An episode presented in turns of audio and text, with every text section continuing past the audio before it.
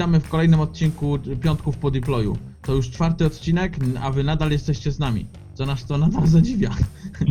Tym razem y, deploymenty poszły prosto z domu. Na pewno wszyscy pracujecie w własnych domach, y, na home office'ach y, i używacie swojego super internetu, który nie jest już firmowym internetem i nie macie takich super ekspresów do kawy, jak jest w firmach.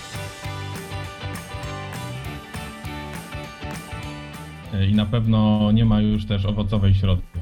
owocowej środy, ale możecie sobie nadal robić burgerowe piątki, bo już są, y, jak to było, bezdotykowe y, dostawy, bezkonfliktowe, bez Jest tak, też dostałem takie powiadomienie, jest coś takiego. coś, coś takiego. A już Mateusz korzystałeś z tego, czy nie? Nie, jeszcze nie, ja zrobiłem zapasy takie, że mi do końca roku starczy. 40 rolek papieru toaletowego i jesteś bezpieczny. Tak. tak myślałem. Mateusz, powiedz w ogóle, bo y, y, osoby oglądające nas na YouTubie na pewno widzą, że jesteś w innej scenerii i ja też. Może wytłumacz dlaczego. Dokładnie. E, przenieśliśmy się do, jak, jak widać, do e, tropikalnej wyspy i stąd do Was nadajemy. Tak naprawdę nie pracujemy z domu, tylko zrobiliśmy sobie wakacje. Tak, dokładnie. Więc y, home office nas nie dotyczy, my jesteśmy na wakacjach, ale podcast musi być, piąteczek jest, deploy, to i piątki po deployu się muszą pojawić. Ale może Mateusz, przenieśmy się na ten moment do biura na chwilę. O, Tak jest. Już Tak. jesteśmy w biurze. Czary mary. Ja w ogóle mam wrażenie, że to teraz wygląda jakby było u ym, kiepskich. Tam też oni się przenosili między jednym a drugim światem w ogóle, więc Tak. dobra. To zaczniemy. Może powiedz Mateusz, o czym w tym odcinku powiemy. Dobrze, w czwartym odcinku porozmawiamy sobie o Node.jsie i o Pythonie i porównamy sobie ich e, ekosystemy. E, Rozumiem, że porównywanie Node.jsa i, Pythona to jest trochę jak porównywanie środowiska do języka, dlatego e, oczywiście powiemy też o JavaScriptie, bo nie sposób mówić o Node.jsie bez JavaScriptu, ale bardziej e, postaramy się skupić na ekosystemie i na środowisku, które mm, te dwa języki czy, czy, czy środowiska właśnie dostarczają. Ja myślę, Mateusz, że to jest nadal takie dziwne porównanie, jak porównywanie frontendowca do backendowca. Trochę tak jest, bo chcemy właśnie taką dyskusję utrzymać, nadal podyskutować front-end, back-end, ale przez to, że zakres y, jakby tego, co te języki mogą zrobić i, i, i do czego możemy je wykorzystać, coraz bardziej się poszerza, więc wychodzimy już stricte poza właśnie taki zakres frontendu i backendu, ale nadal dużo do tego będziemy nawiązywać. Mhm. A w związku w ogóle z tą całą pracą zdalną, tym koronawirusem, home office'em, to w ogóle znalazłem sobie taką zależność, że, Mhm. znaczy w ogóle takie porównanie e, do tego, że e, praca zdalna jest jak mikroserwisy, że na pracy zdalnej najgor, najtrudniejsze do zrobienia jest komunikacja. I tu jest dokładnie tak samo. Czyli takim e, API gatewayem byłby w tym momencie Slack. Tak, tak. Tak? I wszyscy muszą się przez niego komunikować, także. Okej, tak, Dobra, to taki miał być fajny żarcik, mam nadzieję, że wyszło. jak wszystkie Ej. inne. To Mateusz, powiedz może zacznij od y, Node.jsa. O co tam chodzi, co to w ogóle jest tak naprawdę? E, Tak, bo wydaje mi się, że Node.js, historia Node.jsa jest dość, e, dość ciekawa i, i początki były, były zawiłe. E, Jakby może wyjaśnimy sobie na początku jeszcze, że Node.js rozumiemy jako środowisko uruchomieniowe do JavaScriptu, które pozwala nam uruchamiać JavaScript poza przeglądarką, co właśnie dzięki temu możemy korzystać e, z JavaScriptu na wielu innych platformach e, czy, czy systemach, które jako to narzędzie właśnie powstało w 2009 roku i jego twórcą jest e, Ryan Dahl. I Mhm. w tamtym czasie, jeżeli dobrze się orientuję, to Ryan Dahl pracował jako e, programista mm, Ruby, ale pracował też nad Nginexem i szukał narzędzia, które właśnie pozwoli mu pisać bardziej asynchroniczny kod y, backendowy, taki jak on, jak on to też określał, non-blocking e, IO. I od tego to się wszystko zaczęło. W ogóle mam wrażenie, że te wszystkie języki, środowiska, wszystko co w ogóle powstaje, to powstaje z nudów. Ludzie się po prostu Tak. nudzili. I tak. Tak. samo jest z przykładem y, Guido van Rossum, który stworzył Pythona, ponieważ on się nudził, miał przerwę w, w biurze, czyli coś jak teraz my, tak naprawdę. E, No. I i nie miał co robić, no to uznał, że a, dobra, napiszę sobie jakiś taki interpreten do języka skryptowego i, i, i tyle. A miał kilka założeń, czyli na przykład takie, żeby to był open source'owy, e, żeby był e, językiem, który będzie używany w wielu jakby miejscach, środowiskach, żeby to nie było zależne od czegoś konkretnie, więc w sumie zostały te, te rzeczy osiągnięte, łatwy i intuicyjny język, no i, i taki też myślę, że, że jest. Czy Mateusz, ty o e, tym JavaScriptie, który wchodzi z butami na backend, będę to powtarzał jak mantrę, też możesz tak powiedzieć, że jest łatwy i intuicyjny ten język? Dla mnie osobiście tak, ale nie zdziwię się, jeżeli ktoś ma inne zdanie, ponieważ JavaScript ma jako język ma zawiłą historię i nie zawsze tam podejmowano najlepsze decyzje. Jakby ostatnie lata pokazują, że ten język się bardzo zmienia i robi się coraz bardziej przystępny, jednak y, nadal mamy zachowane to backwards compatibility, nadal te, te ogólne takie interfejsy, to API, które już istniały, muszą istnieć i mamy dużo naleciałości, z którymi no nadal musimy się, nadal musimy się zmagać. Myślę, że w ogóle jak mówimy o samym e, języku, to tak naprawdę, bo ktoś coś po coś tam robił w ogóle, to po co ten Node tak naprawdę powstał? Node powstał właśnie po to, żebyśmy mogli JavaScript jako język, który już wtedy zyskiwał coraz większą popularność, y, również uruchamiać właśnie poza przeglądarką. Jakby wydaje mi się, że Ryan Dahl, który też swoją drogą traktował to na początku jako jakiś side project um, i ostatecznie tam bodajże firma Joyent go zatrudniła i pozwoliła mu nad nim pracować y, dalej. Um, też z takim, z takim zamysłem go, y, go pisał po prostu nie był zadowolony do końca z, z, rozwiązań, które są na rynku i chciał napisać coś swego, co pozwoli mu mm, wykorzystywać JavaScript w innych miejscach. Mateusz, zgodzisz się z tym, bo jak czytałem sobie w, w internecie, oczywiście wpisałem Node.js versus Python, to widziałem komentarze, że jak coś jest do wszystkiego, to jest do niczego. Nie? I to nie chodziło chyba o Pythona. No, Python też w sumie ma bardzo szerokie zastosowanie. Nie, nie jest językiem konkretnego przeznaczenia, bo tak jak myślimy na przykład o Swiftie, który jest e, typowo do, do iOS-a, nie? Mhm. no to jednak tutaj mamy języki z dużo, z dużo większym zastosowaniem. Kiedyś JavaScript też był językiem stricte tylko wyłącznie przeznaczonym do przeglądarki, a z biegiem czasu dopiero jakby jego zastosowanie się e, rozszerzyło. Nie? No i tak mhm. samo jest, ale my, a myślę, że z drugiej strony Python jako język był z góry e, jakby zaprojektowany jako taki general purpose language, racja? Mhm, mhm, tak, zgadza się. Zgadza się. I, I to myślę, że zostało w sumie osiągnięte, ale nawet patrząc na to, że mamy różne um, odmiany, jak na przykład e, MicroPython, który jest używany na po prostu urządzeniach, które ma ograniczoną ilość pamięci i, i wydajności w ogóle jaka, jaką może obsłużyć. E, mnie, mnie, jeżeli chodzi o frontę, o Node'a, to mhm. przeraża trochę to, że te paczki nie będą takie aktualne. Boję się, że ogólnie jak zrobię jakąś aplikację, a później do niej wrócę, mhm. to się okazuje, że już te, muszę najpierw poaktualizować wszystko, bo, bo jak nie, to to w ogóle nie będzie pewnie działało. A fajnie by było mieć pewnie zaktualizowane jednak. To jest, to jest chyba duży problem, nie? jeżeli chodzi o frontend, jeżeli chodzi o w ogóle Node'a i, i JavaScript, tak?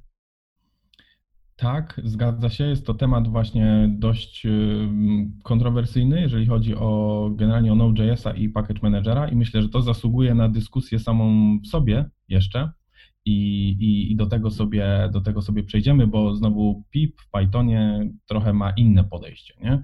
E, I, i, i też, je sobie, też je sobie porównamy na pewno.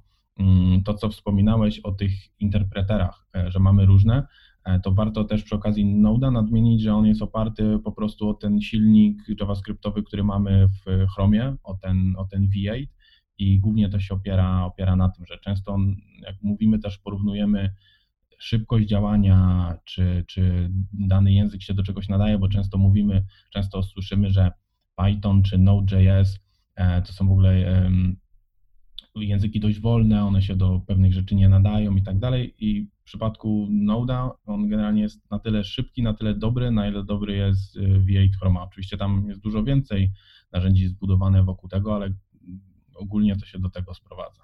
Tak, tak, ogólnie ktoś mówi, że coś jest wolne, to tylko na jakimś przykładzie swojego, nie wiem, czy projektu, czy przypadku jakiegoś konkretnego i takie generalizowanie to w przypadku każdego w sumie języka czy, czy technologii, e, jaka jest, jak mówiliśmy o elektronie, też powiedzieliśmy, że elektron wolny i tak dalej, to później widzieliśmy w komentarzach, pojawili się obrońcy elektrona, którzy mówili, że to jest szybkie i, i, i zostaliśmy zganieni trochę za to, że mówiliśmy, że wolne, a jednak jest szybkie gdzieś tam. Gdzieś. No, no jeszcze, jeszcze, jeszcze to sobie też omówimy, bo ja mam kilka ciekawych swoich przemyśleń o elektronie, którymi się podzielę. E, żeby zakończyć jeszcze tak temat historii, to jeszcze chciałbym e, nawiązać właśnie do pewnych różnic między Node.js-em i, i, do, e, i Pythonem, bo twórca Node.js-a generalnie odszedł od projektu w 2012 roku, poszedł robić inne rzeczy. A po drodze mieliśmy wiele, wiele przebojów, bardzo długo nie wychodziła wersja 1.0 Node'a, w międzyczasie pojawił się w ogóle fork Node'a, który się nazywał IO.js, to był moment takiego strasznego chaosu, że e, IO.js wypuszczało różne feature'y dużo szybciej mm, i część osób przerzuciła się na wykorzystywanie IO.js, e, ale jednak to Node.js nadal był tym no jakby domyślnym, znanym, pierwszym mhm. właśnie tym środowiskiem uruchomieniowym. No i potem dopiero stworzono Node.js Foundation, które ostatecznie się nazywa OpenJS Foundation, które, które teraz rozwija dalej ten, ten, ten, ten, e, to narzędzie. Mhm. I zupełnie inaczej mamy w przypadku właśnie Guido, nie? który jednak z językiem jest y, związany cały czas, albo był do zeszłego roku, o ile dobrze. Tak, on, on chyba cały czas y, zajmuje się tym, żeby podejmować jakieś najważniejsze decyzje, które tam y, się pojawią do, do podjęcia, a, a od zeszłego roku, od listopada jest, jest na emeryturze, ale nie sądzę, że jego emerytura wygląda tak, że się niczym nie interesuje i, i, i w ogóle do komputera nie siada, także Myślę, że chcąc, nie chcąc, to on już do końca życia będzie z tym związany, y, czy z tym językiem, a może go zobaczymy jeszcze przy jakichś innych językach, przy y, powstanie coś jeszcze lepszego, może i stanie się popularniejsze po prostu, tak, bo, bo lepsze to jest dużo rzeczy lepszych, a, a pewnie nie, nie są przez to popularne i, i tyle. No lepsze generalnie to jest subiektywne pojęcie, nie? Tak. tak. Nie dla programistów. Nie, nie. Mielibyśmy porównać Node'a właśnie i, i Pythona to ja bym powiedział, jeżeli chodzi o Pythona, powiedziałbym, że jest stabilny, że y, mamy taką pewność tego, co pojawi się za miesiąc, co pojawi się za, za rok, nawet za dwa y, i jest to takie przewidywalne, tak? Więc widziałbym to, że to jest dla projektów, które są y, długofalowe, które robimy dłużej, niekoniecznie, że proof of concept czy jakieś MVP, ale też na pewno się y, dobrze nada z tego względu, że można szybko coś zrobić. Odpalasz, nie wiem, flaska na przykład, raz, dwa stworzysz sobie jakieś API, które potrzebujesz i, i tyle. A, a jak to jest w przypadku Node'a? Czy to też jest takie, że na długofalowe projekty to będzie ok, czy, czy jednak nie? Mm, to jest właśnie, to jest właśnie część y, jakby ogólnego podejścia czy może podejścia community, podejścia programistów, którzy korzystają z Node'a i on się wiąże z tym, co wspomniałeś właśnie o tych paczkach, które trzeba ciągle aktualizować. E, no jednak e, Python jest e, jakby bardziej stabilnym, bardziej dojrzałym też językiem programowania, ma dużo większą historię, jest z pewnością bardziej stabilny, a Node.js czy w ogóle JavaScript w ostatnich latach no, zaobserwowaliśmy ogromny wzrost i to ilości paczek, i to rozwiązań, i to najróżniejszych zastosowań i nie ma co ukrywać, że nie każde z nich jest tak dobrej jakości jak rozwiązania e, Pythonowe. Przy czym uwa uważam, że jest tych rozwiązań więcej, jest, są mniejsze paczki, mamy dużo więcej alternatyw, przy czym trzeba zrobić dobry research, czy one na pewno się nadają, czy są stabilne, czy wszystko w nich dobrze działa, czy pokrywają nasz przypadek. Słyszałem, że jak chcesz być niemiły dla frontendowca, to wystarczy tylko mu przypomnieć o leftpadzie. O leftpadzie, tak. No, no to już, y, już y, znana wszystkim historia, jak ten, jak y, cały package manager przestał działać i wszystkie projekty na 2,5 godziny przestały się budować, gdzie jeden po prostu programista usunął paczkę z NPM-a, a się okazało, że Node.js na niej polegał, Babel na niej polegał, nie wiem jakby, które jeszcze tam paczki. I najśmieszniejsze jest w ogóle, co ta paczka robiła, bo to jest banał, jest kompletny banał i ona tak naprawdę brała stringa i dodawała spację czy whitespace y, z lewej strony tego stringa? I się okazało, że nagle setki i tysiące bibliotek polegały na tym. No a to jest tak, że, a to jest tak, Mateusz, w ogóle, że jest y, w czym wybierać te paczki, że tego jest tak dużo albo za dużo w ogóle, czy nie? Jest ich bardzo dużo. W ogóle wiadomość z kilku dni to, to GitHub kupił e, Node Package Managera, czyli, czyli NPM'a. No a jak wiemy, GitHub należy teraz do Microsoftu. E, I tam, jeżeli nie pamiętam, tam w blog postie były podane statystyki, coś około 12 milionów e, mhm. paczek. Jest ich, jest ich bardzo dużo, więc na pewno jest, jest w czym wybierać. Pytanie, czy ich właśnie nie jest aż za dużo. Jestem ciekaw, co nam e, też jakby najbliższe dni e, przyniosą i co tak naprawdę GitHub jest w stanie zrobić dla, dla NPM-a. Myślisz, że wejdzie tam GitHub z miotłą i, i posprząta trochę, czy nie? Dużo y, ludzi miało takie obawy w momencie, kiedy Microsoft kupował GitHuba, Mhm. ale biorąc pod uwagę historię NPM-a i fakt, że, że często się mówiło, że NPM to jest najsłabsza część y, Node.jsa, to wydaje mi się, że, że jestem dobrej generalnie, generalnie myśli. Mam, e, mam dobre przeczucie co do tego, co do rozwoju tego projektu dalej i jak on będzie działać. Mhm, mhm. Bo jeżeli chodzi tak naprawdę o Pythona, to mm, szukając jakiejś paczki gotowej biblioteki, e, która, która jest, to myślę, że wybór jest, ale od razu widać jakąś taką wiodącą, do której się, nie wiem, jakoś community przykleiło po prostu i, i rozwija tą jedną konkretną paczkę, może dwie, e, konkurencyjnie do siebie w jakiś sposób, które e, rozwiązują w trochę inny sposób dany problem. I to myślę, że jest fajne, że mm, nie ma tak, że nie ma do czegoś rozwiązania, zawsze się coś znajdzie, ale no tak też w sumie powstają inne, inne projekty, bo chcą rozwiązywać autorzy w inny trochę sposób, mają inne spojrzenie, inne przypadki w swoich aplikacjach, tak jak zrobiliśmy Django Trencha, bibliotekę do e, two-factor authentication i, i brakowało nam na przykład czegoś, co, co by um, można było zmieniać te backendy sobie w dość taki dynamiczny sposób i, i, i łatwy tak naprawdę, więc tak, tak w sumie powstają kolejne, kolejne projekty.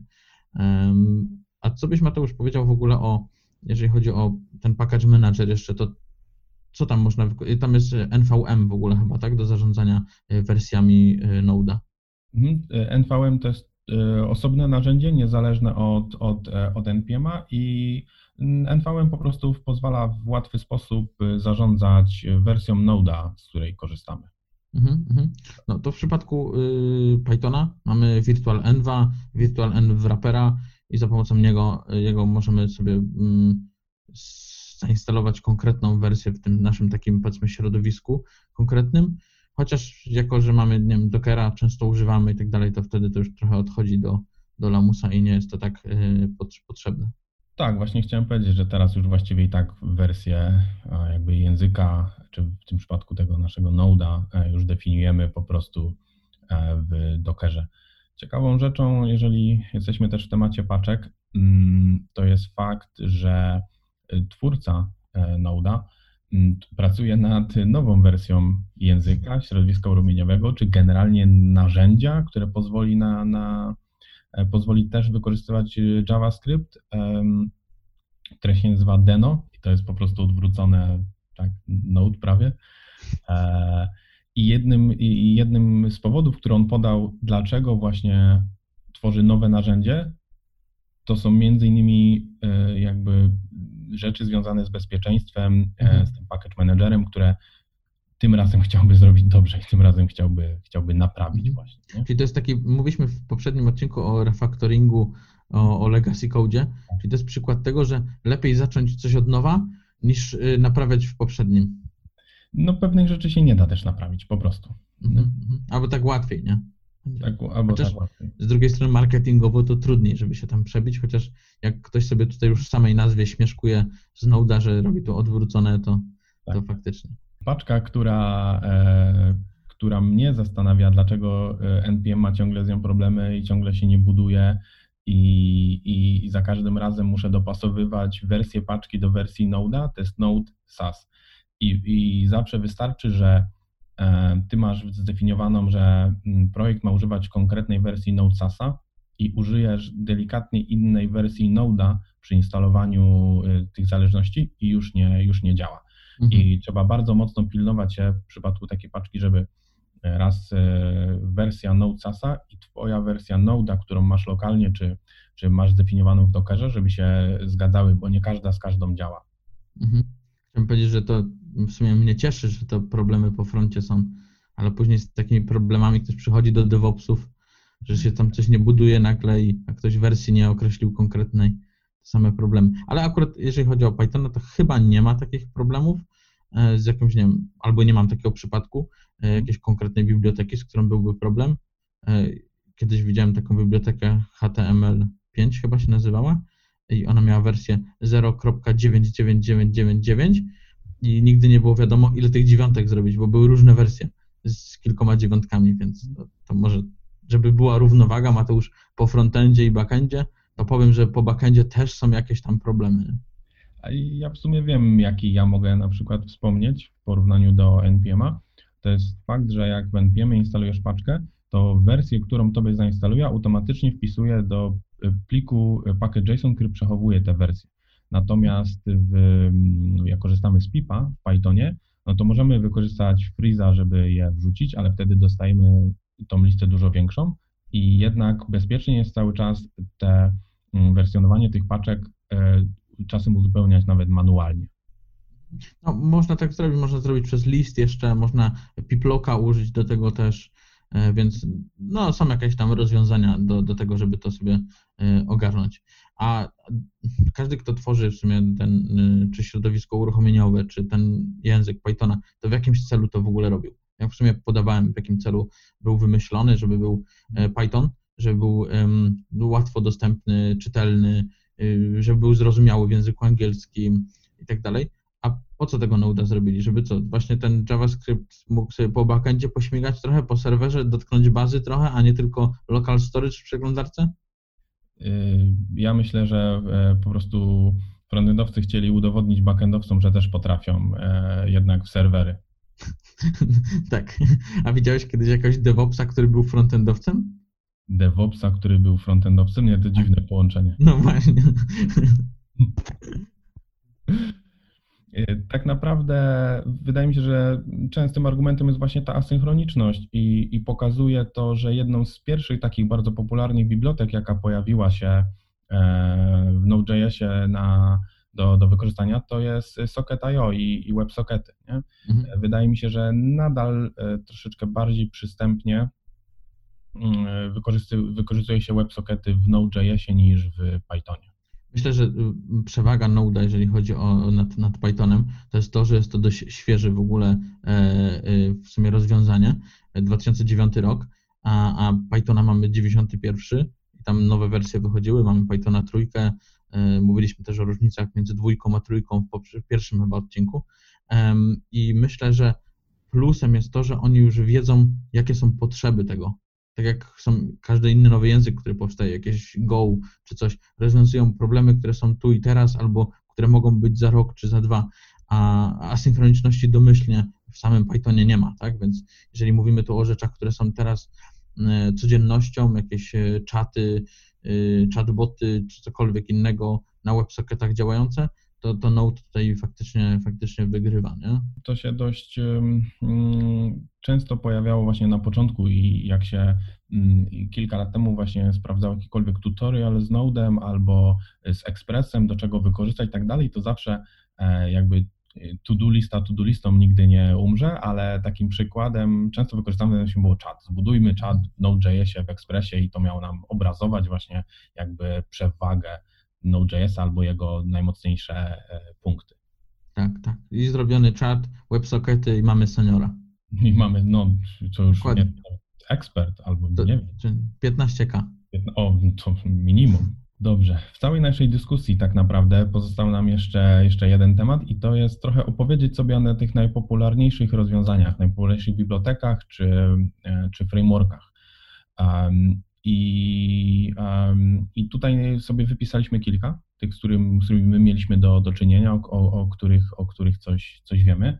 Um, to może opowiesz, Miłosz, e, jakby do czego możemy wykorzystać Pythona i jakie Mhm. są popularne rozwiązania właśnie w danej dziedzinie? Mhm. Y, Tak wcześniej wspominałem, MicroPython do IoT całego.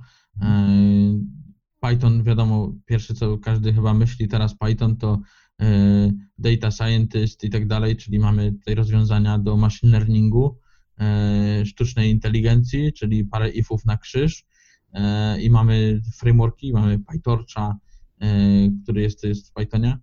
Pewnie chyba przez nazwę to każdy by wiedział, że to w Pythonie, jak jest PyTorch.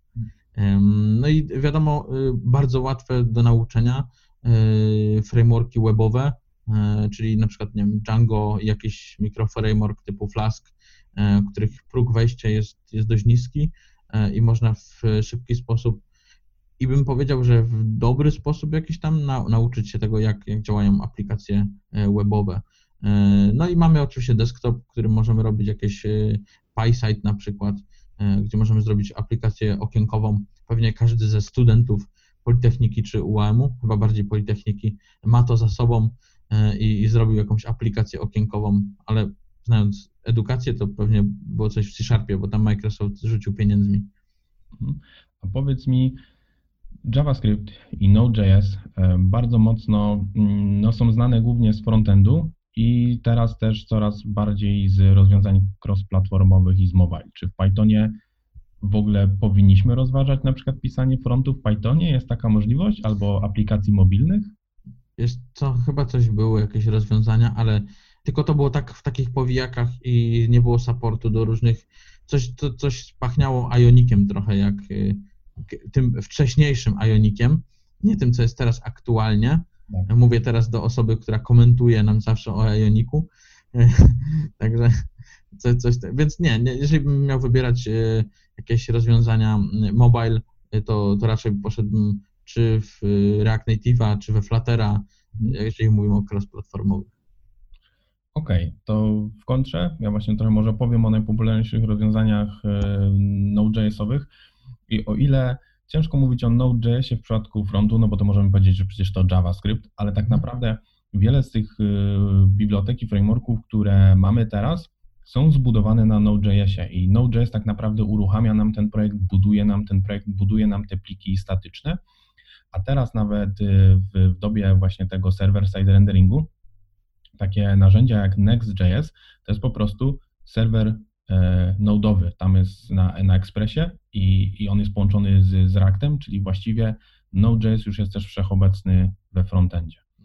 Na backendzie no, mamy najpopularniejszy i najstarszy taki framework e, backendowy, to jest Express. Myślę, że on jest najbardziej, e, można go przyrównać z Flaskiem, to jest taki minimalistyczny i możemy go sobie mhm. No i troszeczkę nowsze rozwiązanie jak e, Nest.js, czyli to już możemy bardziej porównać z Django, gdzie dostajemy pełnoprawny framework z, no, z wszystkim, czego moglibyśmy potrzebować do mhm. napisania aplikacji. Tam, tam też jest generowany panel administracyjny też, czy nie? Tak niestety nie, niestety nie i to jest największy minus. Szukałem Aha. jakiejś paczki ostatnio, widziałem, że ktoś pisał coś podobnego, gdzieś jest na GitHubie, no ale niestety jakby development tam się skończył, komity były dość, dość dawno. Mhm. No i, i, nie ukrywam, że no dla mnie to jest bardzo duża, duża zaleta Django i jakkolwiek chwycę inne rozwiązanie, to zawsze mi tego, tego brakuje. Mhm, mhm. Okej, okay. a co jeszcze mamy? Jeszcze chyba mobile mamy. Tak, y, mamy mobile. O mobilu też już dużo powiedzieliśmy w poprzednich odcinkach. E, myślę, że mamy React Native'a i teraz tu jest dyskusja, można dyskutować, czy sam React Native jako ten jego core wykorzystuje Node.jsa czy nie, ale no jednak React Native to jest JavaScript i chociażby wykorzystujemy NPM'a, chociażby już wykorzystujemy jakieś inne narzędzia do, do budowania tych naszych paczek, więc tak czy tak jest to powiązane z, z Node'em. No i mamy tak naprawdę elektrona jeszcze do, do apek e, desktopowych. Bardzo mhm. często się mówi, że e, bardzo często mówi się, że jest to rozwiązanie nieoptymalne, że jest ono wolne, że przecież się nie nadaje i tak dalej. Jasne, to jest racja, ale z drugiej strony możemy powiedzieć, że są firmy, które stworzyły na tym ogromny biznes, tak? Mamy przecież Slacka, mamy VS Code'a, a mamy Discorda, o ile się nie mylę, który też wykorzystuje mm, mhm. Elektrona, więc są narzędzia oczywiście szybsze, ale wykorzystujemy narzędzia do tego, do czego je potrzebujemy i tam, gdzie się sprawdzają. Najwidoczniej tutaj się to rozwiązanie sprawdza. Tak, tak, tak, zgadza się. Y, a jakbyś Mateusz miał odpowiedzieć, który język jest łatwiejszy do nauki? Czy miałbyś iść, nie wiem, w Node'a, znaczy jako ekosystem, e, czy, czy w Pythona na przykład? Na pytanie, który język jest łatwiejszy do nauczenia, powiedziałbym chyba, że Python. Mhm. Bo jednak, tak jak wspomniałem wcześniej, JavaScript ma dużo naleciałości najróżniejszych. E, dochodzi właśnie do tego jeszcze Node.js, który no ma swoje jeszcze API, swoje różne funkcjonalności. JavaScript się dość rozwinął w ostatnim czasie, ostatnim czasie. Dodał dużo no, czegoś, co nazywamy syntactic sugar i nie do końca na pierwszy rzut oka wiemy może jak to działa, a Python jest językiem jednak bardzo czytelnym, przejrzystym, a i zresztą z takim założeniem został stworzony. Mhm. No. No, y, no, trudno mi się nie zgodzić, Mateusz, że powiedziałeś, że jednak Python y, jest tutaj lepszy do nauki, y, ale pewnie powiesz, że o, ale dla profesjonalistów to już tylko JavaScript. Czy tak nie powiesz? Nie, też bym tak nie powiedział. E, powiedziałbym, że najpierw zależy, czego się chcemy uczyć. I najpierw powinniśmy sobie odpowiedzieć na pytanie, co chcemy osiągnąć, co, czego chcemy się nauczyć, i na tej podstawie wybrać język. A jeżeli chcemy się nauczyć, nie wiem, programowania dla samego programowania, to bym powiedział, że Python. Z drugiej strony, no jeżeli chcemy robić frontend i wiem, że chcemy robić tylko frontend, no to jakby, no jasne, Python może być nadal łatwiejszym językiem, no ale nie mamy wyboru, no musimy iść w JavaScript, nie? Mhm. Jeżeli ktoś miałby patrzeć z biznesowego punktu widzenia, to w sumie JavaScript będzie dla niego lepszy, bo może robić i backend, i frontend, więc Mhm. Tak ma, ma więcej możliwości. I będzie tym full stackiem, będzie miał 15K plus, plus 10K. Tak, no full stack bardzo, bardzo popularne określenie teraz, e, czy tak naprawdę znasz albo backend, albo frontend plus I taki webmaster. webmaster, no. no. Webmaster. No? A nie, bo webmaster to przepraszam, webmaster to jeszcze na serwerze wiedział jak na FTP wrzucić. A po froncie to chyba nawet nie wiedzą, co? Nie, nie, to już wtedy full stack DevOps. Full stack. tak myślałem. E, A jakbyś miał powiedzieć o ekosystemie, który przystępniejszy? Mm, Czy, czy bardziej używałeś Pythona? Bo wiem, widziałem twój projekt w Django. tak, Same, e, pełen e, funkcji z JavaScriptu. Map e, był tam chyba w każdej linijce. tak, tak, tak. I ciągle chciałem używać Reduce'a. Tak. Mm, Znaczy, no to jest też właśnie ta trochę przewaga JavaScriptu, że on może korzystać, jakby miksować różne paradygmaty programowania. Imperatywny, obiektowy i możemy też pisać trochę funkcyjnie, gdzie w Pythonie jednak mamy te, raczej powinniśmy pisać klasami, zresztą moduły też są oparte w dużej mierze na, na, na, na klasach i, e, i jednak tam mamy to imperatywne. Mhm. Tak naprawdę i jakby ja bym powiedział, że dobierajmy narzędzia mm, odpowiednio do, e, do potrzeb. Jakby możemy dyskutować w próżni, który jest lepszy, Tak, ale tak. nadal powinniśmy e, dopasowywać narzędzia do, do naszych potrzeb. I ja właśnie mogę w tym momencie uczciwie się przyznać, że wolę backend pisać na przykład w Pythonie. Mhm. W momencie, kiedy ja zaczynałem pisać backend i pisałem go w Expressie, to jak cokolwiek e, spróbujesz znaleźć rozwiązanie na coś, to masz znowu, tak jak wspomniałeś, pełno pomniejszych bibliotek, zrób to tak, zrób to tak, a możesz to zrobić Tak. tak. I ostatecznie nie miałem przekonania, która praktyka jest najlepsza, gdzie wziąłem takie Django e, i jakby w ogóle wszystko właściwie prawie, że było w dokumentacji, a jak czegoś nie było w dokumentacji, to był na pewno jakby konkretny sposób na zrobienie Mhm. tego. Mhm. No i tak już zostałem z Django. Muszę, muszę przyznać, Mateusz, że specjalnie zadałem to pytanie, żeby powiedzieć, czy coś jest lepsze, czy gorsze, żebyśmy znowu otrzymali jakieś komentarze, e, opinie osób e, i naszego kolegi fanboya Kotlina też, że Kotlin lepszy przecież, e, a nie tam jakieś Django i ORM-y. E, Także co, Mateusz, chyba, chyba wszystko na ten moment, bo czas na obiad, tak? Już na pewno czujesz, że się gotuje. E, No, e, obiad będzie gotowy, jak się ziemniaki ugotują. No właśnie, dokładnie, dokładnie. Ale to jest, to jest ta różnica, tak? Że nie trzeba się nigdzie ruszać w ogóle. Możesz siedzieć i, i tyć po prostu i jest ok.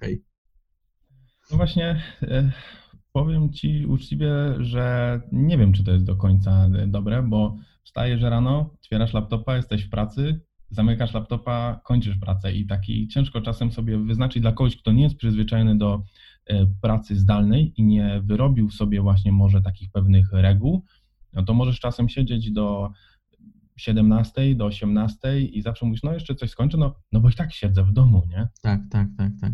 Teraz, no, mimo tego, że mamy home office, tak, i co jakiś czas byliśmy na przykład na home office, y, szczególnie, nie wiem, piątki, środy, y, to, to, to teraz jak jesteś codziennie, to to już jest coś zupełnie innego, tak? Więc myślę, że to trzeba trochę zmienić też samo podejście i, i wszyscy, którzy mają tam dzieci na głowie, to, to, to na pewno są i na głowie, i pod biurkiem, i wszędzie w ogóle, więc y, y, współczuję, pozdrawiam i życzę powodzenia. No, No, ja już też, e, też już z dyskusji u nas na, na firmowym Slacku też domyślam się, jak wygląda sytuacja. Tak, tak. No dobrze, to dziękuję Wam bardzo, że wysłuchaliście już czwartego odcinka e, Piątków po deployu. E, Możecie wracać do komputerów, e, bo na pewno słuchaliście nas na Spotify'u, oglądaliście na YouTubie, e, słuchaliście na SoundCloudzie i pewnie na Apple Podcasts, o ile uda nam się zrobić deployment na czas, jak zwykle, e, a nie będzie opóźniony. E, I, i co? Do usłyszenia za, za dwa tygodnie, do zobaczenia za dwa tygodnie. Pewnie będziemy jeszcze nadal z takimi naszymi super ściankami, jak teraz widzicie, ale to się niczym nie różni. E, Może z jakością będzie gorzej, bo wiem, że Mateusz ma y, telefon, y, znaczy internet z telefonu tylko, bo mieszka w centrum, a tam nie ma kabli żadnych. Nie, ja mam jeszcze ten, ten stary modem się łączy. I A, tak, tak, no. pi, pi, pi. No dobrze, to kończymy, bo Mateuszowi się internet już kończy, tak a, a za 15k to niekoniecznie musi mieć y, zapłacić. Dobra, dzięki, pozdro 500. Trzymajcie się, hej.